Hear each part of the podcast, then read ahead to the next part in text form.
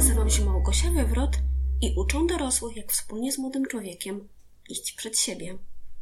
Witam Was serdecznie w kolejnym odcinku mojego podcastu. Dzisiaj będzie o czymś bardzo ważnym, trudnym. Jest to temat, który jest bardzo popularny na forach internetowych i wśród rozmów. Przede wszystkim ostatnio, co obserwowałam, że z rodzicami, czyli granice.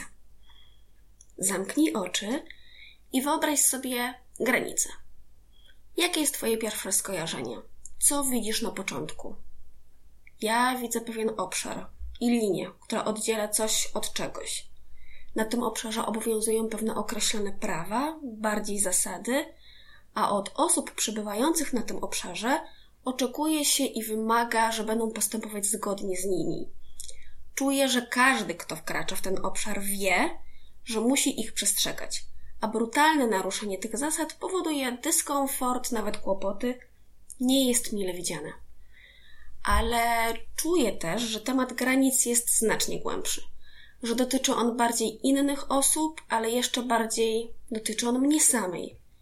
Polskie Towarzystwo Psychologiczne mówi, że granice mogą być fizyczne, emocjonalne, intelektualne czy duchowe – no i niby z jednej strony jest to oczywiste, ale myślę, że przeciętny Kowalski, odpowiadając na pytanie, jakie są granice, powiedziałby, że no, fizyczne i psychiczne i już, to koniec. No bo przeciętny Kowalski rzadziej będzie czuć potrzebę głębszego zastanowienia się w ogóle nad tym. I w tym miejscu chciałabym zaznaczyć, że ten podcast nie jest tylko dla rodziców czy, czy pedagogów. Ten temat jest i powinien być ważny dla nas wszystkich dlatego że każdy może chcieć przekroczyć Twoją granicę i dopóki Ty sam, sama nie będziesz wiedział, wiedziała, jakie są Twoje granice, czym one są, to bardzo często będziesz mieć w sobie poczucie, że coś jest nie tak, ale może Ci być bardzo trudno je nazwać. Najbardziej pożądanym z punktu relacji interpersonalnych jest nienaruszony system granic, a on charakteryzuje się tym, że granice są stałe, ale posiadają pewne przejścia umożliwiające przepływ informacji czy uczuć. No i to umożliwia świadome wchodzenie w związki i nawiązywanie bliskości, satysfakcję wynikającą z kontaktów międzyludzkich, przybywania z nimi, poczucie bezpieczeństwa w relacji z innymi ludźmi, respektowanie granic innych, umiejętność odmawiania. I dla kontrastu brak granic, czyli brak ochrony przed ingerencją w sferę osobistą ze strony innych ludzi, jak również naruszenie czyichś barier wiąże się z tym, że jest trudność w kontaktach z innymi, e, wchodzenie w rolę, e, zdarza się wchodzenie w rolę właśnie agresora czy ofiary, mm, naruszeń, dochodzi do naruszenia granic innych, poczucia zagrożenia i jest też brak umiejętności odmawiania, słuchajcie. I to są bardzo, jak ja to mówię, grube sprawy, bo z jednej strony teraz powinnam zakończyć i powiedzieć, słuchaj, pomyśl sobie o tym do poduszki i pogadamy następnym razem. No ale z drugiej strony nie chcę Was zostawiać tak rozgrzebanych. Dlatego jeżeli teraz czujesz, że na tym etapie tych informacji jest dla Ciebie dużo, to daj sobie przestrzeń na przemyślenie tego, a jak to zrobisz, wróć do mnie i posłuchaj dalej. Czy pozwalam innym na przekraczanie moich granic? Nie wiem, czy ty pozwalasz? Ja staram się nie pozwalać na przekraczanie swoich, ale wiem, że zazwyczaj ludzie pozwalają sobie na tyle, na ile my im pozwolimy. Na ile pozwalamy sobie, a na ile innym? I czym jest ta zdrowa granica? I jak nauczyć się dbać o granice swoje i innych? Jesteśmy istotami relacyjnymi. Aby przetrwać w sensie psychologicznym, musimy dokonywać wymiany z innymi ludźmi.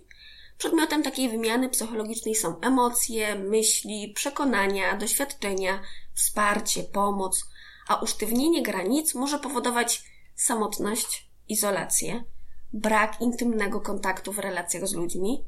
Natomiast granica zbyt luźna może spowodować brak poczucia bezpieczeństwa, a czasem nawet nieświadome przyzwolenie na przekraczanie granic, co może prowadzić do narażania nas na przemoc. Granice nieadekwatne mogą być wynikiem przeżytej traumy lub pozostawienia w relacji z ważnymi dla nas osobami, które same mają trudność w obszarze granic. Jak dbać o swoje i innych granice? Zacznij może od tego, żeby poznać samego siebie. Pomyśl, zastanów się, czym są dla ciebie granice. Czy czujesz dyskomfort, kiedy ktoś lub ty coś robisz? Nie wstydź się, odpowiedz sam sobie na to pytanie. To bardzo ważne czuć się dobrze z samym sobą i wiedzieć, czego się chce lub nie. W wielu sytuacjach Twoje ciało daje Ci pewne sygnały. Poprzeglądaj się nim, daj sobie na to czas. Jak można jeszcze dbać e, o e, swoje i innych granice? E, pokaż werbalnie, że nie podoba Ci się to, co się dzieje. Praca z dziećmi do trzeciego roku życia mm, nauczyła mnie i bardzo szybko postawiła mnie w takim miejscu, w którym zaczęłam się bardzo mocno i intensywnie zastanawiać w ogóle nad tymi granicami, ale przede wszystkim nad granicami małego człowieka. Bo zaobserwowałam, bazując na doświadczeniu swoim i innych ludzi, że nawet nieświadomie e, dorosłym przychodzi z dużą dosyć łatwością przekroczenie granic młodego człowieka. I w tym miejscu chciałam się podzielić takim tipem, który ja stosowałam, czyli stop. Nie podoba mi się to, co robisz. Kiedy czułam albo widziałam, czy domyślałam się, że dziecko może mieć takie w sobie poczucie, że ktoś jego granice właśnie przekracza, to pytałam się, jak się z tym czujesz. No i pierwszy problem pojawia się wtedy, kiedy dziecko jeszcze nie potrafi mówić. No ale słuchajcie, to widać. Naprawdę oczy dziecka mówią wiele. I nie trzeba tutaj być alfą i omegą, żeby to dostrzec. I wtedy ja pytałam, Basiu, czy tobie się podoba to, że Zosia po tobie skacze? Czy tobie jest z tym ok? No i jeżeli Basia ruszała głową, że tak, albo się śmiała, to wiedziałam, że okej, okay, to są tylko takie zabawy wrestlingowe, które się im podobają i uskuteczniają je. Ale kiedy widziałam, że głowa się nie rusza, albo e, usta układają się w podkówkę, albo pojawiają się łzy, to od razu wspierałam i pomagałam. Pytałam się, czy chce może się do mnie przytulić, a potem czy chce o tym porozmawiać. I tłumaczyłam, w jakiej sytuacji, co można zrobić. Nie umiesz mówić? Wystaw rękę i nikt na długość Twojej ręki nie może do Ciebie podejść, zbliżyć się. Umiesz mówić, możesz wyciągnąć rękę i powiedzieć stop. Albo powiedzieć tylko stop, przestań, zostaw. Stop jest takim słowem, wiecie, bardzo krótkim, mocnym, stanowczym, on naprawdę działa bardzo, bardzo szybko. I jak sytuacja wydawała się opanowana, to my to wtedy potem ćwiczyłyśmy. No bo ja tak robiłam i poprzez y, naukę, poprzez doświadczenie, a ja uważam, że to jest świetna nauka poprzez doświadczenie, dzieci uczyły się mm, właśnie tego. Więc aranżowałam sytuację na przykład z innymi też dorosłymi. Oni, kiedy do mnie y, podchodzili za blisko, to ja wtedy mówiłam stop, nie podoba mi się to, co robisz. Ale, bo teraz możecie sobie pomyśleć, okej, okay, Gośka, ale to jest taki banalny przykład. No tak, no bo najpierw zaczynamy od tego, tak? Nie aranżowałam mega trudnej sytuacji, która była, była też trudna dla mnie i dla tego dziecka, w ogóle doświadczenie w tego, tylko pokazywałam prosty przykład. A potem dochodziłyśmy do praktyki. Za każdym razem, kiedy ktoś przekraczał moją granicę, to ja stawałam i mówiłam: Stop, nie podoba mi się to, co robisz, albo wyciągałam tylko rękę. I to jest jedna z tych umiejętności, które dzieci nabywają, słuchajcie, naprawdę bardzo, bardzo szybko. I kiedy dziecko przekraczało też moją granicę, bo to jest możliwe przecież, na przykład fizyczną, wchodziło mi na głowę, a ja naprawdę nie miałam na to ochotę, nie chciałam tego, to mówiłam stop. I od razu to działało, naprawdę. I z dziećmi starszymi trzeba ustalić pewne rzeczy, nazwać je. Przede wszystkim to, że zawsze, ale to zawsze Pamiętaj zawsze, młody człowieku, możesz do mnie przyjść i powiedzieć mi, jak ktoś przekracza Twoje granice. Pamiętaj, że nie ma nic złego w tym, że o tym do mnie mówisz, że mi o tym powiesz, podzielisz się ze mną tym. Pamiętaj, że nigdy nie będę oceniać i zawsze dostaniesz ode mnie wsparcie. I tutaj jedna z najważniejszych potrzeb, bo zaraz po fizjologicznej, zostaje zaspokojona, bo dajemy poczucie bezpieczeństwa. Ten oto młody, inteligentny człowiek dostaje od nas bardzo jasny komunikat. Możesz przyjść zawsze. Możesz powiedzieć o wszystkim. Ja jestem.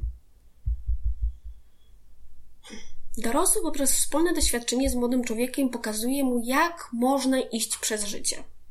Mm, jeżeli sam nie wiesz i nie potrafisz ustalić samym sobą tego, jakie są Twoje granice, lub nie potrafisz ich zaznaczyć, nazwać, to zawsze możesz skorzystać ze wsparcia psychologa, eksperta, terapeuty. Dzieci zazwyczaj nie robią tego, co my mówimy, tylko to, co my robimy, uczą się poprzez doświadczenie, tak? Czyli jeżeli my nie zaznaczamy swoich granic, a dziecko nas bardzo czujnie obserwuje, to też może być takie ryzyko, że może mieć z tym problem, prawda? Bo nigdzie dziecko nie nauczy się tak szybko siebie, jak w rodzinie. Pamiętaj, że każdy członek rodziny ma prawo do odrębności i każdy ma prawo mieć swoją elastyczność granic i swoje granice. Moje granice mogą być inne niż y, granice dzieci, z którymi pracuję, albo moich własnych dzieci. Bo to w rodzinie człowiek się uczy tego, jakie w ogóle są interakcje z innymi ludźmi, jak one mogą wyglądać. Nie usztywniej się w ogóle też za bardzo.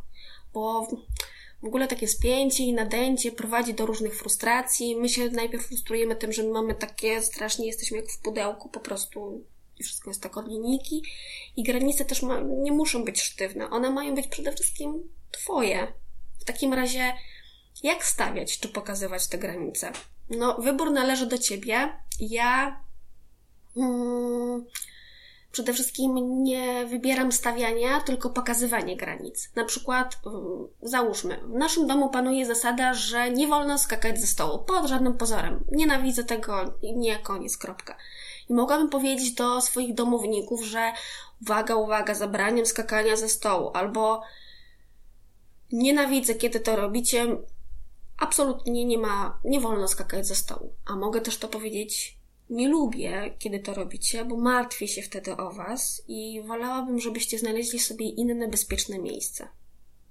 No i dzięki temu ta granica przestaje być nakazem, czyli nie ma kary i przymusu, więc znika też poczucie strachu i poczucie takiej, i, i nie ma takiej relacyjności władzy. E, używam też języka bardziej osobistego, a język osobisty jest naturalny i jest bliski i już bardzo szybko trafia do drugiego człowieka, bez względu na to, czy to dziecko, czy dorosły. Jestem autentyczna. Nie gram, nie udaję, bo ja serio tego nie lubię i ja się naprawdę tego boję. Ja tego nie zmyśliłam. I nie naruszam przede wszystkim też granic drugiego człowieka. Bo nie mówię, ile razy ja mam wam przypominać, Czyli nie odwołuję się do tej siły też wynikającej z mojej pełnionej roli i nie sugeruję, że mój odbiorca może nie być zbyt inteligentny, bo kurde, nie pamiętasz tego, co ci powiedziałam wczoraj, czyli nie skacz z tego stołu. Tym dla mnie są granice. A na koniec chciałbym zacytować pewnego znanego duńskiego terapeuta rodzin, Jaspera Jula, który powiedział w temacie granic. Doświadczenie nauczyło mnie oceniać to inaczej. Dzieci nie sprawdzają granic, tylko to, czy za rolą, którą gra rodzic, nie ukrywa się przypadkiem prawdziwy człowiek. W ten sposób stawiają przed rodzicami wyzwanie, czy chcą i potrafią żyć w sposób autentyczny, obecny i wiarygodny. I to by było tyle na dzisiaj. Życzę Wam dobrego dnia, wieczoru i dobrego czasu z samym sobą. Pozdrawiam i do usłyszenia. Małgosia.